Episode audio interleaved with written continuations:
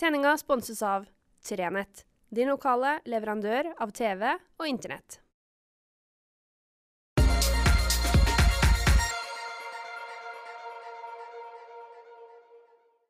Riktig god fredag.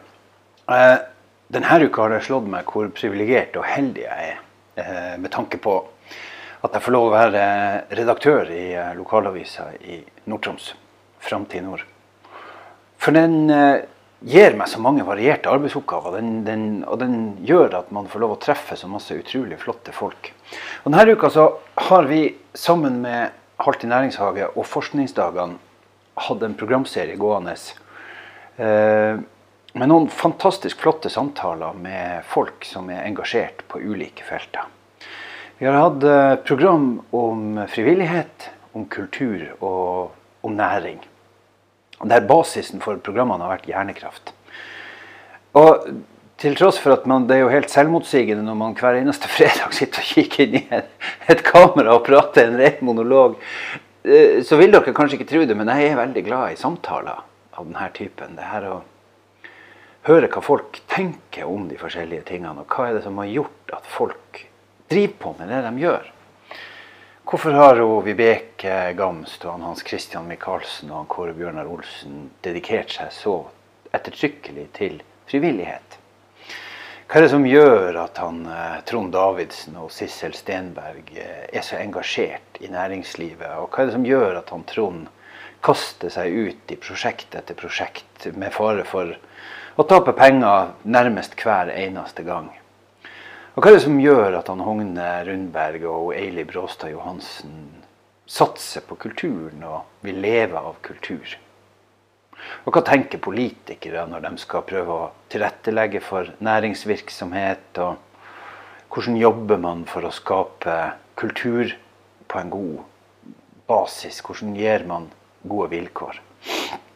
Og Så snakker vi om det her i en god halvtime innenfor hvert segment. Og, og om vi landa de store greiene, vet jeg ikke. Men vi fikk kanskje satt ord på en del ting. Vi fikk kanskje snakke om en del vesentligheter. Innenfor næringsliv f.eks. Hva, hva trenger vi i Nord-Troms? Jo, vi trenger folk som er litt tullete. Og som tør å satse på ja, noe så helt vilt som spritproduksjon på Jårøybukt eller på Igloa på Spåkenes. Eller andre ting. På plasser der man ikke skulle tro at det gikk an. Jeg, klarer aldri å la, slutte å la meg imponere over dem som tok den gamle skolen i Uleibukt, som knapt har fergetilgang, og som satsa der. Og som altså selger stillhet som sin merkevare. Det er jo helt genialt. For hva har du nok av i julebukt? Jo, du har stillhet og ro. Da selger du det.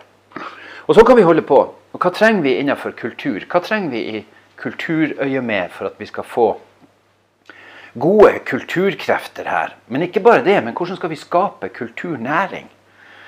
For Vi tenker kanskje ikke over det, men kultur er også masse masse næring. Det ligger masse penger i kultur. Vi kan være så freidige å si at vi kan tjene penger og være, kommersialisere det uten nødvendigvis å tenke kommersielt. Vi kan klare å kommersialisere kulturen uten at vi nødvendigvis ødelegger skaperkrafta. Veldig ofte så er det mange som driver med kultur og som skaper kultur, som sier at ja, men hvis pengene blir motivatoren for å drive med det, så, så blir det feil. Vi trenger ikke nødvendigvis å gjøre det, men vi kan være dem som tilrettelegger for kulturentreprenører. Vi kan f.eks., som han Hogne var inne på, etablere et topp moderne lydstudio en eller annen plass i Nord-Troms. Og selge det som en plass der artister kan komme i det ville landskapet vårt og skrive og produsere musikk og andre greier. Og Eili Bråstad Johannessen, som har kontor litt her og litt i Berlin, hun sier det samme. Folk kan komme hit og sitte midt i villskapen vår. Det alt det vakre og bli inspirert til å skape ting. Og jeg kan ikke tenke meg noe annet enn at hvis du hadde vært artist av en eller annen art og sittet i Nord-Troms denne uka og kjent at alt rister og røsker, og at himmelen tømmer bøtte med bøtte på vann nedover hodet på deg Hvis du ikke blir inspirert til et eller annet da, Ja ja, ok, men jeg tror at vi kan gjøre så utrolig mye her. Og hva trenger de i frivilligheten da? Hva er det som inspirerer folk til å være frivillig? Det er så mange ting. Det kan være sjølopplevde ting, sånn som med Hans Christian og Vibeke, som er vokst opp i hjem der frivilligheten var nærmest basisen. Eh, og som sånn på en måte både viderefører den arven, det de har lært, men også gleden av å skape. Som han, eh, Hans Christian sa det, når, når man er ferdig med et 17. mai-arrangement eller et kretsmesterskap, og du ser alt det gode som folk har fått lov å oppleve, da kjenner du på en sånn herre Nærmest en takknemlighet over å ha fått lov å være med på det. Og Kåre Bjørnar, som er involvert i så mye og så mangt, og som har fingrene inn i frivillighet og matprosjekter og de store, gode hjertene og tankene. Hva er det som driver? Hvis du går inn på eh, sendingen som ligger hos oss, så, får du sett litt. Vi har snakka mye om det her, og de har fått satt ord på en del ting. Både innafor frivillighet, næring og kultur. Jeg syns det ble noen nydelige samtaler som jeg håper at dere kan ta dere tida til å høre på. De er ikke så veldig lange. Det kan kanskje være greit i en travel hverdag, men jeg syns det er litt deilig eh, at vi i media kan ta oss tid til samtaler.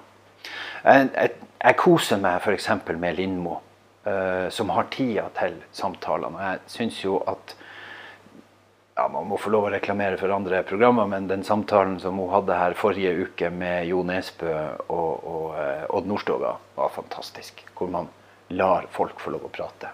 Og Det var også tanken vår med de sendingene som vi hadde at de samtalene som vi hadde på Halvtid denne uka, vi skulle prate sammen. Vi skulle ikke sitte og debattere og avbryte hverandre, men heller samtale litt. Det var ganske deilig å ha fått lov å gjøre det. Um, og de her temaene er jo et superengasjerende, og helt sikkert er det mange mange andre temaer vi kunne ha snakka om. Um, en sak som har vært i, i vinden uh, denne uka i Nord-Troms, det er vindkraft i Kåfjord. Eh, det dukka opp et, eh, et, selskap fra Finland som ville starte med, eller som har tenkt tanken på å, å etablere vindmøller i Kåfjord. De har tenkt tanken, de har ikke så mye mer enn det. Men det skapte voldsomt engasjement. Og både Naturvernforbundet og organisasjonen med det helt nydelige navnet Motvind jeg liker sånne ordspill. Jeg liker sånne ordspill, og er, Den syns jeg var fin. Eh, organisasjonen Motvind, som da er ikke mot vind, men de er mot vindkraft, for de mener at det ødelegger for mye av naturen og, og skader mer enn det, enn det, skaper. De var raskt på pletten og, og kom med sine nødvendige motstemmer. Sjøl så er jeg litt sånn blanda når det gjelder vindkraft. Og jeg har full forståelse for at folk reagerer og syns at det er voldsomt. Når man, ser, eh, når man er på, på Kågen eller på Arnøya og ser over til Fakken og ser at på så mange kilometer så ser du det her voldsomt, så kan jeg tenke meg at de som bor oppunder det her, de reagerer. Jeg har full forståelse for det. Ehm, det var for noen år tilbake en, en eh, snakk om å etablere et lite vindmølleanlegg på Maurnes med fire-fem møller. Spørs om det noen gang kommer. Eh, og årsaken til at vindmøller er vanskelig, og som gjør at jeg er heller mer mot nei enn mot ja. Det er, ett er at det skaper voldsomme inngrep i naturen, men det andre er at det faktisk er lite effekt for alt det det bygger opp. Uh, Vindmøller i dag lager ikke så mye kraft at det kan forsvare all den energien vi må bruke både på å etablere det og på å drifte det. Uh, da tror jeg mer på framtidig utnytting av den krafta som ligger i havet vårt, uten at jeg har peiling på energi, så tenker jeg at med så mye krefter som vi har i strømmer og i hav, og ikke minst i vind på ting man kan etablere litt lenger ut, og som ikke er i veien for så mye dyreliv og så mye folk, så lurer jeg på om kanskje vi skulle heller ha flytta oss ut av land enn på land.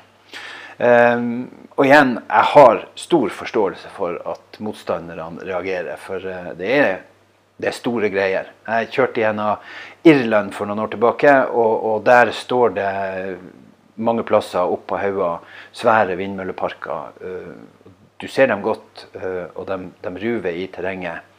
Eh, jeg tror nok de skaper mye energi, men det er veldig mange møller for å, for å klare å drifte til, til det, det, det, det koster. Så det, det, var en spennende debatt, og det er artig å ha fått lov å være med på den. Og så registrerer jeg, som jeg var inne på forrige fredag, at båtkuttet skaper mye engstelse på yttersida. På øyene våre og på fastlandsbygden vår i, i Kvænangen. Jeg har full forståelse for, Roy, for han Roy og Rita eh, på spillere som eh, frykter for hele livsverket nærmest. At butikken skal måtte legges ned, og at ting skal smuldre bort under føttene på dem fordi at det offentlige finner ut at man skal spare én rundtur på, på Kvænangen-ruta. Jeg håper inderlig at våre egne politikere står sammen, og at regionrådet går i felles front og slår en felles tung neve i bordet til fylkesrådet og sier at det her går ikke. Og Jeg håper man òg kan se på at uh, de fergekuttene som er lagt fram, å fjerne hele B-ferga over Lyngen og ta bort de sambandene våre, så at det blir borte. At, finner, at fylkeskommunen finner andre måter å spare på, eller at staten går inn med mer penger. Det var kanskje like mye det siste. Men det var jeg inne på i forrige uke, jeg skal ikke ta opp igjen den debatten. Det har vært ei fin uke, kjenner jeg på. Selv om huset her på Skjervøy har rista ettertrykkelig. Ja, det var, gikk faktisk ei selja på yttersida. Det var ikke store greiene. Den hadde knapt fått lov å begynne, og den hadde liksom delt seg litt. Og nå ja, det, var, det, gikk helt fint. Men, men det slår meg bare at vi må passe på. Og været blir villere og verre. Og jeg tror vi må bli enda flinkere på å forberede oss på vind og ta det på alvor. Vi hadde en flott eh, Eller flott, men vi, vi fikk en, en, fin sak med ordføreren og en fisker i, i Nordreisa, på Hilde og Anton Vegard, som advarte båtfolket eh, mot å glemme båtene sine. Jeg tror vi kanskje har litt lett for å, i all den velstand som vi har, å glemme at vi har noe vi må ta vare på. Og så ligger det bare der, og så fylles båten med vann. Og så glemmer vi av at vi må stikke ned og tømme den. Eh, jeg tror nok mange fikk seg en aha-opplevelse av at eh, båter ikke tømmer seg sjøl. Eh, noen, noen, har jo også lært det hard way. Så la oss håpe at folk ikke trenger det. Og nå er det jo et fantastisk vær, da. Hæ? Nå skal vi ha godt høstvær, sier meteorologene. De her to-tre lav, to, lavtrykkene som har dundra forbi her, nå, nå, nå, puster vi litt ut og, trekker, og, og roer oss litt ned, håper jeg. Da får vi håpe at eh, vinteren ikke kommer så fort som i fjor. Jeg vil bare minne om at i fjor på denne tida så lå snøen. Og alle gikk rundt og sa at nei, den blir ikke liggende. Men det gjorde den! Og ikke bare ble den liggende, men hvis vi husker til vinteren i år, så ble snøen ettertrykkelig liggende. Vi satser på at vi kan ha en god høst. Jeg håper dere får ei fantastisk helg. Strålende og god. Og så sender jeg noen uh, gode bedringtanker til uh, kongen, som er innlagt på Rikshospitalet. Jeg håper han kommer seg kjapt og raskt. Ha ei riktig, riktig god helg til alle dere.